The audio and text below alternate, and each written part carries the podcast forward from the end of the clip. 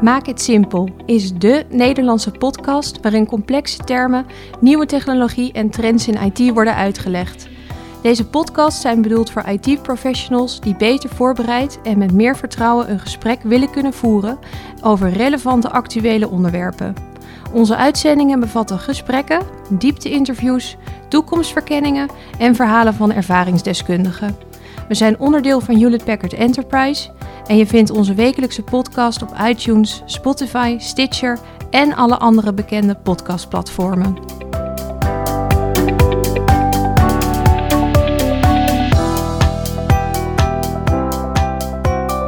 Welkom bij de podcast Maak It Simple. Mijn naam is Arnold van der Kaai en ik ben account CT bij Hewlett Packard Enterprise. Clemens, kun jij jezelf voorstellen? Ja, ik ben uh, Clemens Esser, CTO bij Hewlett Packard Enterprise Nederland. Deze keer gaan we het hebben over containerization. We hebben eerder al samen een podcast eh, opgenomen over hybrid cloud. We zagen daar dat containerization een belangrijke functionaliteit is die je daarvoor nodig hebt. Um, ja, dat is Clemens Containers. Wat is dat eigenlijk? Ja, nou, volgens mij containers is eigenlijk hetgene waarbij sommige mensen zeggen soms wel eens, het zijn mini-VM'tjes.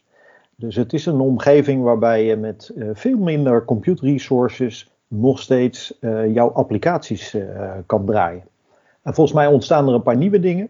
Is dat je kan nieuwe architecturen gebruiken. Microservices wordt heel vaak ge genoemd in, in relatie met containers. Je kan makkelijker software distributie daarmee kan doen. je kan ervoor zorgen dat als je je applicatie in een container stopt, dat die overal en nergens kan draaien. Waar komt dat door? Is omdat je juist alle afhankelijkheden stop je niet meer in je virtual machine, waarbij de IT-mensen moeten gaan regelen dat het uh, netjes werkt. Maar dat nu de applicatiemensen, die leveren eigenlijk de container. En daar zitten alle afhankelijkheden die er nodig zijn om die applicatie goed te kunnen draaien. Die zitten allemaal bij elkaar. Ja, ja. ja het is volgens mij ook een, het is echt ook een lightweight principe. Hè? Dus waar je ziet dat virtuele machines toch best wel zware, nou ja, zware toepassingen zijn. Hè? Met veel data en hè, veel opslag op disk en veel tijd nodig om te installeren, te onderhouden en draaiend te houden. Hè, zie je dat containers denk ik veel lichter zijn hè, en veel makkelijker te handelen.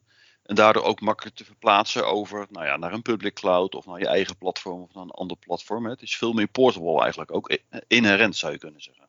Ja, en volgens mij komt dat deels omdat een virtual machine, het woord zegt het eigenlijk al, een virtual machine die ging proberen om hardware na te spelen, dat je op die virtuele hardware kan doen wat nodig is. Dus daar moest je je op bouwen je libraries erin zetten, zorgen dat je netwerk het goed doet en vervolgens kon je je applicatie erop zetten. Als je kijkt naar containers, is niet zozeer hardware specifiek of hardware centric, maar is applicatie-centric. Je zegt ik heb een applicatie, wat heeft die applicatie nodig? Oh, dat is deze library. Uh, hoe praat die tegen de buitenwereld? Nou, ik uh, praat op deze manier tegen de buitenkant van de container. En vervolgens regelt het containersysteem regelt alles. En zoals ik het wel zie, is van, het heet er niet voor niks containers. Hè? Als je naar buiten kijkt, dan zie je af en toe een boot langskomen. Als je in de Rotterdamse haven staat, staan heel veel containers op. Op een gegeven moment komt die boot in de haven aan en dan pakken ze zo'n container en die zetten ze op een trein en dan gaat die verder met alles wat erin zit. En nog een stukje verder zetten ze hem op een vrachtwagen en die bezorgt hem bij het distributiecentrum van de Albert Heijn of de Jumbo. En van daaruit, dan wordt alles eruit gehaald en, en onderweg maakt het allemaal niet zo gek veel uit of die nou op de boot stond of op de trein stond enzovoorts. Hoe je dat dan aanmaakt, dat zijn weer standaard geautomatiseerde procedures. En het mooie voor softwareontwikkelaars is zo'n procedure die je maakt om zo'n container aan te maken. Dan geef je een aantal commando's. Uh, daar zitten uh, uh, files omheen om dat soort dingen te doen. vaak YAML-files, moeilijke term die ze gebruiken, dat soort dingen. Ja, YAML. Volgens mij staat het voor Jet Another Machine Language of weet ik veel wat. maar dat de, het zijn standaard files waarbij je aangeeft hoe dat gemaakt moet worden. maar het mooie van die files is dat je er ook versiecontrole op los kan laten. Dus als jij zegt, ik heb hier mijn container versie 3 dan kan je alle files die je nodig hebt om dat soort dingen te doen, die kan je in een versiecontrolesysteem, versiebeheersysteem, waarbij als je na de hand eh, op versie 5 zit en je zegt ik moet weer eens even kijken hoe het met versie 3 was, dan kan je dat weer aanmaken, omdat je alles wat je daarvoor nodig had, dat blijft bestaan. En dat vinden softwareontwikkelaars weer heel interessant. Hey, is, dat, is dat waar je ook termen als Docker hoort? Docker, eh, wat ik ervan begrijp, Docker is zo'n methodiek, een, softwarelaag maar, die ervoor zorgt dat je die containers makkelijk kunt maken, kunt vullen met applicaties, kunt uh, registreren ergens dat ze bestaan. Is, is dat waar Docker dan past? Ja, nou, als, je, als je kijkt naar. Uh, veel mensen kennen VMware natuurlijk. En dan maak je een VM'tje. En dat VM'tje, daar, dat, dat is een bepaalde standaard hoe je die informatie bij elkaar zet. Dat hebben ze voor containers hebben, dat ze, hebben ze dat ook gemaakt. En Docker was degene die daarmee gestart was. Die zegt van hoe maak je zo'n zo'n container, hoe ziet hij eruit van binnen, hoe ziet hij eruit van buiten. En welke mechanismes heb ik om die container te vullen. Dat is waar Docker mee gestart is. Maar je ziet dat sinds kort zien we dat dat eigenlijk door de open source wereld goed is opgepakt. En er is nu eigenlijk een OCI van gemaakt. Open Container Interface. En daardoor zie je dat er nu een standaard is ontstaan. En dat je Docker hebt, uh, Serio zie je komen en nog wat. Container, uh, container die hoorde ik, dat is ook zo'n uh, ja, ja, open source ja. platform.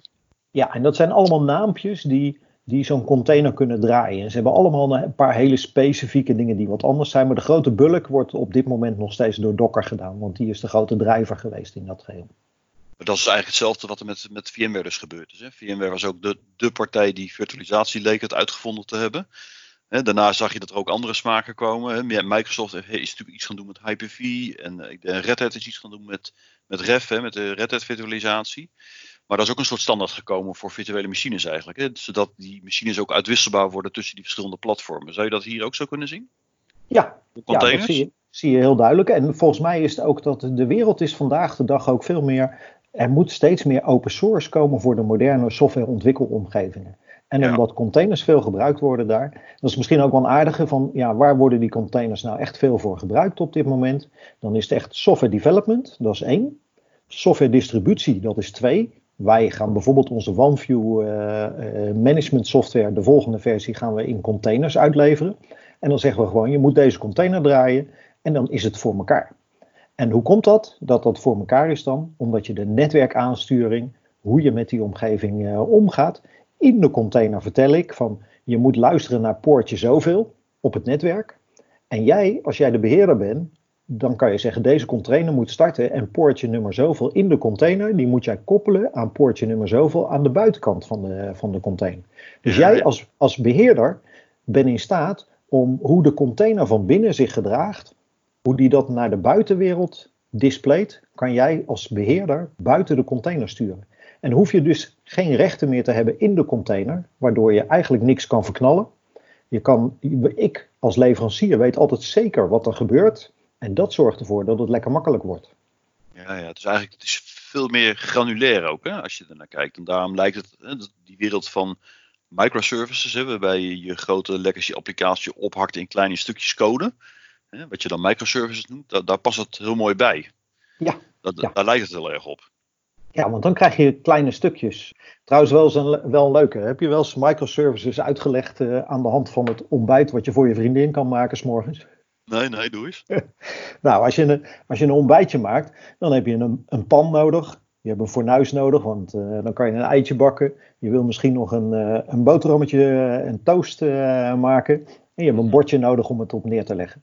Ja, dat is wel als, je, als je de monolithische versie van het ontbijt hebt, dan heb je, programmeer je dat je die hele lijst kan gaan doen. Als je er nou microservice van maakt, dan is één microservice is, pak een pan. De tweede microservice is, zet het uh, fornuis aan. De derde microservice is, zet een, uh, een bord en bestek uh, klaar. En dan ga je applicatie maken. En dan zeg je, ik, ik activeer microservice, pak de pan, zet het vuur aan, gooi een eitje in de pan. Dat is dan een stukje wat ik specifiek moet maken. En daarna gooien we het ei op het bord met het bestek. Dat is weer de microservice. Als je het nou wil veranderen en je wilt daarbij wil je ook nog een, uh, een toast met jam geven. Nou, dan maak je een nieuwe lijst en dan zeg je ik pak de microservice toast. En ik programmeer dat ik er zelf een beetje jam op speer. En die leg ik weer op het bordje wat de laatste microservice uh, was. En zo kan je dat soort dingen bij elkaar gaan brengen. En kan je dus veel sneller nieuwe dingen gaan maken. En bij containers werkt dat goed. Want zo'n container die is razendsnel opgestart en is ook razendsnel weer weg. En bij virtual machines duurde dat veel langer. En dan ga je, zou je dit nooit op deze manier gaan doen. Containers zie je heel erg in de nieuwe wereld van de, de snelle applicatieontwikkeling, nieuwe manieren van ontwikkeling en past eigenlijk minder goed bij de oude wereld, bij de grote applicaties Zou je dat zo kunnen zeggen? Je hoort hier in dit, in dit, dit verband hoor je natuurlijk ook heel veel van uh, ja, je, persistence, non-persistence. Uh, weet niet of we het daar nu al over moeten hebben. Misschien is dat kan ook wel goed zijn voor een volgende podcast. Ja, ik, denk, ik denk dat dat voor een volgende is, want dat gaat wel lang duren. Maar een tipje van de sluier, dat is natuurlijk wel leuk. Containers zijn gemaakt van ik maak het aan en als ik klaar ben is het weg. Ik maak het aan en als ik klaar ben is het weg. Dat is heel onhandig als je database applicaties hebt. Of als jij applicaties hebt waarin je tijdelijk even iets wil bewaren. Want je hebt iets uitgerekend en daarna is het weer weg. Dus daar heb je niks, uh, niks aan. Dus daar wil je iets voor en dat noemen ze persistence. Hoe ga je er nou voor zorgen dat die data in die container beschikbaar blijft? Als ik hem gestopt heb en ik start hem daarna weer, dat ik verder kan waar ik gebleven was, in plaats van dat ik weer met een schone lijn moet beginnen. Dat is, dat is de term persistent storage. Okay. Maar nou, dat is, uh, als je nou, daar nog over te praten. Ja, ja. ja dat, is, dat is eentje. Maar laten we hem dan even eentje voor dingetje verder trekken. En dat is denk ik wel belangrijk om dat volgende keer helemaal mee te nemen. Is dat het niet alleen voor storage geldt. Want als je nou een complexe applicatie hebt. Waarbij je bijvoorbeeld een master hebt met een paar slaves erbij. Of je hebt een database met een applicatieserver en nog één. Dan wil je dat de data die moet blijven bestaan. Maar die verschillende applicatieservers die gaan op het netwerk zoeken naar die, uh, naar die database uh, omgeving. En je moet dus in de gaten houden van kan ik dat weer op dezelfde plek terugvinden? Nou, en als je dat gaat doen, dan praat je eigenlijk over complexe, persistent applicaties en hoe je daarmee om kan gaan. En dat is een van de dingen die wij in ons nieuwe containerplatform hebben meegenomen. En dat is denk ik ook een leuke om dat voor de volgende keer helemaal mee te nemen. Oké. Nou, dat, uh, dat is een uh, mooi onder. Ik hoor weer een volgende podcast inderdaad. Misschien nog, nou, het laatste minuutje. Nog een paar dingen die, ik, die we ook veel horen in deze wereld. En dat gaat eigenlijk over orchestratie. En je hoort daar dingen als Kubernetes natuurlijk. Hè, dat is een term die we veel horen. Maar ook, uh, ik hoor Rancher. nou, HPE heeft natuurlijk iets gedaan met containerplatform. Mesosphere. Nou, zou je daar nog iets over kunnen zeggen? Dus je hebt zeg maar, containers op één, op één server hè, of op één host die je wilt managen. Maar wat, wat doe je nou met de orchestratie dan? Nou, om het heel kort uh, te doen, is eigenlijk als je VMware hebt, dan regelt VMware hoe de virtual machine eruit ziet en wie wat op welk moment mag doen. Als je dat niet in een 32 node cluster hebt zoals je dat in VMware maximaal kan, maar 320 nodes of 500 of 1000 of 2000 nodes, dan is het wel handig dat er iemand is die dat in de gaten houdt. En dat noemen ze dan zo'n container orchestratietool. En degene die het meeste hoort is vandaag de dag Kubernetes. En als we nou teruggaan naar het voorbeeld waar we net mee begonnen, zo'n boot. Als je op een boot allemaal containers gaat zetten en je zet alle zware aan de verkeerde kant, dan valt die boot om. Dus je hebt iemand nodig die gaat regelen wat je gaat doen met die containers. En dat is wat je container orchestration tool doet. En dat is wat Kubernetes doet. En als je daar nog meer omheen gaat plakken, dat je zegt: Oké, ik wil het met een portaaltje doen en ik wil het multi-tenant maken en ik wil het ietsje makkelijker maken, dan kom je in de sfeer van de containerplatformen. En dat is wat wij Unit Packet Enterprise Container Platform noemen. Dat is Kubernetes met de containers erin, met de persistent storage voor complex persistent applicaties, met een portaaltje eromheen, dat het allemaal lekker makkelijk gaat worden. Want deze wereld, het klinkt heel makkelijk, maar als je het grootschalig gaat doen, is het wel verstandig om even serieus te kijken hoe je dit gaat aanpakken. Nou ja, dan is de analogie die jij laat denk ik schetst heel mooi. Hè? Op zo'n containerschip, zeg maar, waar je dan misschien nou, een paar honderd of een paar duizend containers zet. Maar stel je nou eens voor dat je dit over alle, al, alle, alle boten op de wereld doet waar die containers bestaan. En alle vrachtwagens waar die dingen op door het landen gaan. En je moet dat orchestreren en beheren. Dan wordt het wel behoorlijk ingewikkeld. En dan moet je dus tooling daarvoor gebruiken. Ja. En dat is waar die orchestration, orchestration dan dus uh, goed van pas komt. Ja, dat, uh, dat denk ik ook. Uh. Oké. Hey, nou, ik, volgens mij zijn we er aardig uitgekomen om het uit te leggen. Hè? We, nou, ik, ik heb een hoop geleerd en um, ik denk dat onze luisteraars ook een hoop geleerd hebben. Ik heb ook heel veel nieuwe termen gehoord, dus het lijkt me hartstikke zinvol om daar nieuwe, nieuwe podcasts over op te nemen. ik denk dingen als Docker, container D, uh, mesosfeer, orchestratie, persistence, non-persistence, vluchtigheid van containers. hoe ga je met het netwerk om? Er is ook heel veel te vertellen rondom deze containers en de platformen die er zijn. Dus ik denk dat we daar nog een aantal podcasts over op kunnen nemen. Ja, dat denk ik ook, joh. Lijkt me, lijkt me leuk. Uh... Nou, hey, hartstikke goed. Clemens, dankjewel. En uh, nou, tot de volgende keer zou ik zeggen. Ja, tot de volgende keer. Bedankt voor het luisteren naar deze uitzending van Maak het Simpel. Wil je automatisch wekelijkse podcast ontvangen? Klik dan op abonneren in jouw favoriete podcastprogramma. Graag willen wij weten wat je vond van deze podcast en nodigen je van harte uit om een korte review achter te laten of een like. Heb je vragen of opmerkingen? Stuur dan een mail naar podcast.nl.hpe.com. Graag tot de volgende keer.